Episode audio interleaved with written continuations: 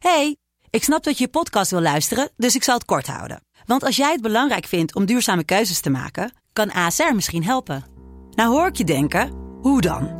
Nou, bijvoorbeeld bij het duurzaam herstellen van schade. Of de premies die we beleggen volgens ons duurzaam beleggingsbeleid. Dat bepaalt waar we wel en juist niet in investeren. Wil je meer weten over welke duurzame keuzes ASR maakt? Ga dan naar asr.nl slash duurzame keuzes. ASR doet het. Zo, dan kan je nu lekker naar je podcast luisteren.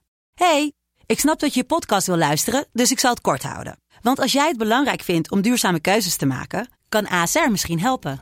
Nou hoor ik je denken, hoe dan? Nou, bijvoorbeeld bij het duurzaam herstellen van schade. Of de premies die we beleggen volgens ons duurzaam beleggingsbeleid. Dat bepaalt waar we wel en juist niet in investeren.